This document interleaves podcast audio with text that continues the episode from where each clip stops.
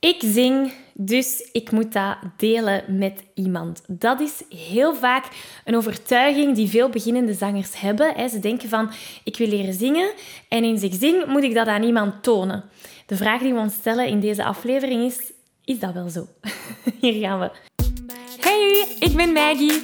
Vanuit mijn passie en talent om mensen de kracht van het zingen te laten ontdekken, help ik leergierige popzangers die op het hoogste niveau willen leren zingen. Worstel je met negatieve stemmetjes in je hoofd die je vertellen dat je niet goed genoeg kunt zingen?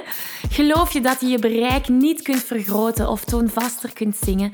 Of word je snel hees na een hevige zangsessie?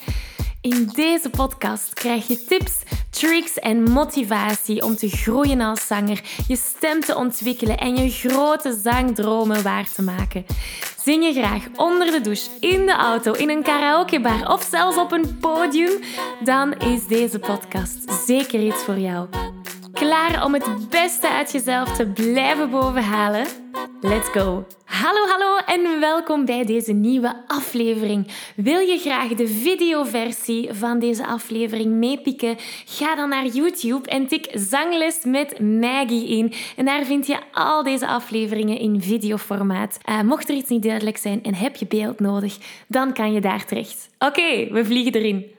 Veel zangers die willen leren zingen, denken dat ze er nadien onmiddellijk iets mee moeten gaan doen. Met andere woorden, ze geloven dat, oei, eens ik leer zingen, moet ik op een podium gaan staan en moet ik gaan performen.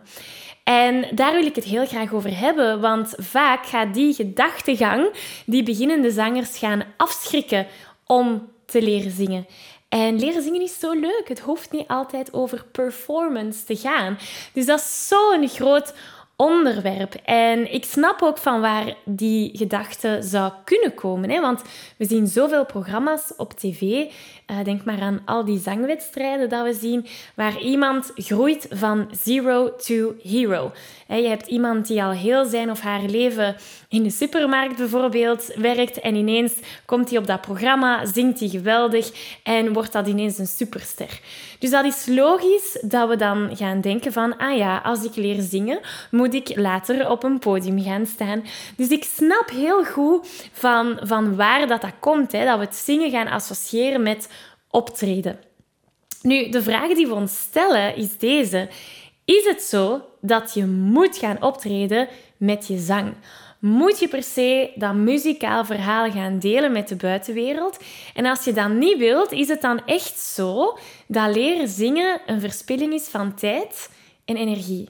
Want dat is waar dan de volgende gedachte naartoe gaat voor veel beginnende zangers. Hè. Uh, eerst is het, ik wil leren zingen. Ah ja, maar wacht, als ik leer zingen, dan ga ik moeten optreden. En dan, ah maar nee, ik wil niet optreden. Is het zingen dan geen tijdsverspilling? Dat is misschien een gedachte die bij jou ook ooit is opgekomen, of misschien niet, en des te beter. Hè? Um, en het antwoord daarop, natuurlijk, dat is mijn eigen mening, hè, maar laten we het even heel logisch bekijken. Is er ooit een moment in jouw leven geweest waar je gewoon zong voor het plezier van het zingen? En ik denk dat 90% van de zangers die met mij samenwerken daar een volle ja op kunnen zeggen. Ik denk de meeste zangers die, ja, iedereen die begint te zingen, zingt vanuit die passie en dat plezier.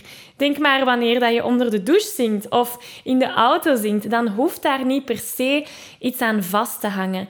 Er dan hoeft er niet gestreefd te worden naar perfectie of naar um, een, een bepaald meetlat, een bepaald doel dat we willen bereiken. Soms is het fijn om gewoon zonder doel te zingen en zonder iets dat er vanaf hangt te gaan zingen. Snap je wat ik bedoel? En ja, is dat dan tijdverspilling? Volgens mij, en dat is weer al mijn persoonlijke mening, ik geloof niet dat dat tijdverspilling is. Want op dat moment ben je eigenlijk aan het werken aan je eigen welzijn, aan je eigen geluk, aan je eigen uitlaatklep, aan je, expressie uiteindelijk. Hè? Dus zingen kan ook dat zijn. Het hoeft niet altijd gelinkt te zijn aan het moet allemaal perfect zijn of ik moet het op een podium brengen of ik moet het met iemand delen. Dat hoeft niet altijd.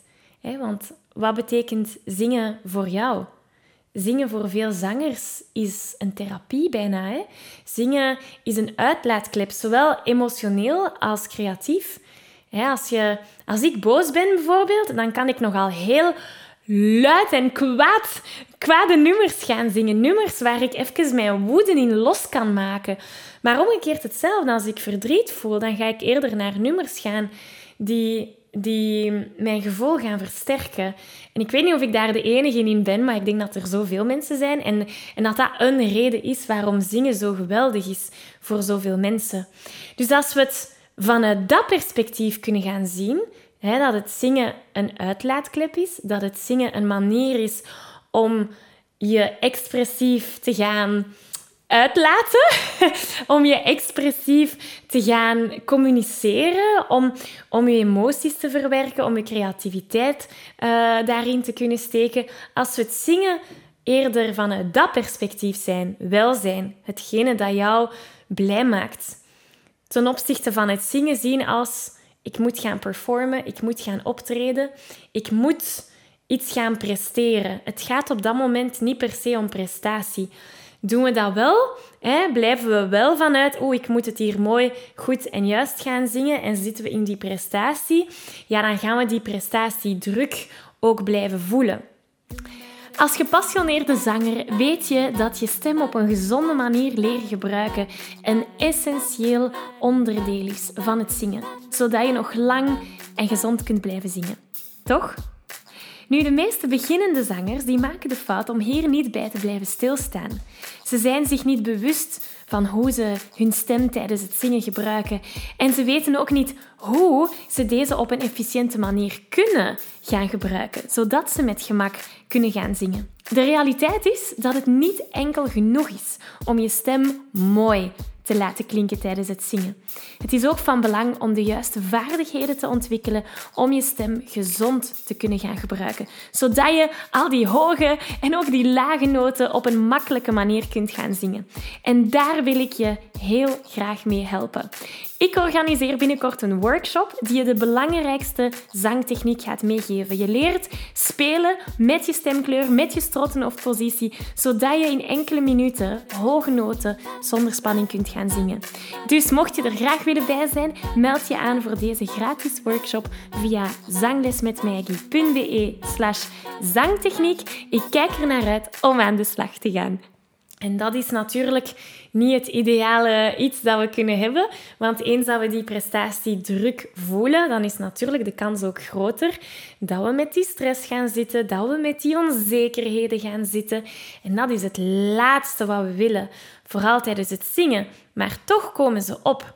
En natuurlijk is het een hele fijne grens tussen zingen hè, onder de douche en voor het plezier en voor uw welzijn, hè, wat we daarnet hebben besproken.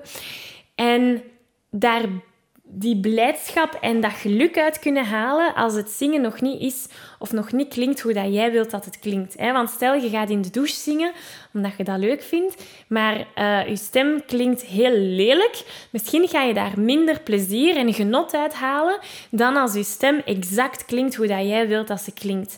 Dus het is een hele mooie balans hè, tussen het leren zingen en het beheersen van die verschillende zangvaardigheden, samen met dat ook soms eens te kunnen loslaten en echt in, die, in dat welzijn van het zingen terecht te komen. Het is een hele fijne grens om daar naar op zoek te gaan. En als we dat niet doen, die balans opzoeken, dan kan het zijn dat we met die prestatiedruk gaan overblijven. En weer al, dat is waar we met die stress en onzekerheden gaan vallen. En dat willen we niet. Natuurlijk, sommige zangers die vinden het geweldig fijn om te kunnen optreden, om wat zij van binnen voelen en wat zij met het zingen kunnen ervaren, dat welzijn, die expressie waar we het daar net over hebben gehad, om dat ook te delen met iemand anders, met een luisteraar. Dat kan op het podium zijn van het Sportpaleis, een grote zaal, of dat kan in een klein cafeetje zijn. Of het kan zijn dat je voor iemand zijn of haar verjaardag een muzikaal berichtje instuurt. Ik stuur heel vaak Happy birthday to you. En dan stuur ik dat op. Um, gewoon dat al is het genot dat jij voelt tijdens het zingen delen met de buitenwereld. En wanneer we dat doen, is het weer al belangrijk dat we die balans opzoeken tussen die creativiteit en die expressie samen met die prestatiedruk. Want ja, als we het met iemand delen, dan zou het wel fijn zijn dat het goed is natuurlijk. Hè? Maar weer al, als we te veel op dat het perfectionistische gaan focussen, dan hebben we weer die stress en die onzekerheden. Dus het is een hele mooie dans tussen de twee. Ehm, dus ik wil je heel graag uitnodigen, volgende keer dat je zingt, dat je blijft stilstaan bij jouw intentie. Vraag jezelf af, wat ben ik hier eigenlijk aan het doen? Waarom, waarom doe ik dit? En kijk in welke categorie dat uw antwoord valt. Valt het in de categorie van ik doe het voor mijn plezier, ik doe het voor mijn welzijn, ik doe het omdat ik even mijn woede wil loslaten? Of komt het in de categorie van prestatie? Ik moet presteren, ik ben aan het oefenen, want die hoge noot komt er anders niet goed uit. Of ik moet mijn zangtechniek nog beter onder de knie krijgen. Waar valt het in? En we willen natuurlijk een mooie balans. Hè? Dus telkens als je gaat oefenen, kan het zijn dat we 50% van de tijd in de prestatiemodus geraken en 50% van de tijd in plezier en genot. En naarmate dat we vorderen als zanger, naarmate dat onze zangskills zich gaan ontwikkelen, naarmate dat we ons comfortabeler voelen met onze stemmen, naarmate dat we die stemvrijheid ervaren, dan willen we eigenlijk dat die balans niet meer 50-50 is, maar 80-20. Dat we zoveel mogelijk in dat genot en in die plezier en in die expressie kunnen gaan en 20% focussen op die prestatie. Want op dat moment, als je stemvrijheid ervaart, logischerwijze, zouden al die zangtechnieken al opgenomen moeten worden in je spiergeheugen. En dan hoeven we daar eigenlijk geen aandacht meer aan te besteden. Dan draait het niet meer om welke zangtechniek doe ik nog juist. Nee, want uw, uw lijf weet hoe het moet. Het is opgenomen in uw spiergeheugen. Dus dan hoef je daar niet eens over na te denken. Dan gaat het allemaal vanzelf. En dat is moeilijk, om dat deeltje van onszelf dan los te laten en te gaan focussen op ik maak hier plezier, ik vertel mijn verhaal, ik voel hier mijn emoties. dus dat is uiteindelijk waar we naartoe willen gaan. Maar dus stap 1, kijk eens waar bevind jij je tijdens je oefensessies. Is dat meestal in het pleziergedeelte of is dat meestal in de prestatiegedeelte? En merk eens op waar dat jij je bevindt doorheen je oefensessies. Natuurlijk, zoals ik daarnet al zei, zangtechniek is een superbelangrijk onderwerp. En we kunnen niet naar dat plezier gaan als we bepaalde zangtechnische zaken niet opnemen in ons spiergeheugen. Basiszaken zoals ademhaling bijvoorbeeld, ja, dat is een no-brainer. Die, die moeten er zijn, anders gaan we niet mooi met plezier kunnen zingen. Ik geef je een virtuele high five. Deze aflevering zit er alweer op. Ging dat ook veel te snel voor jou?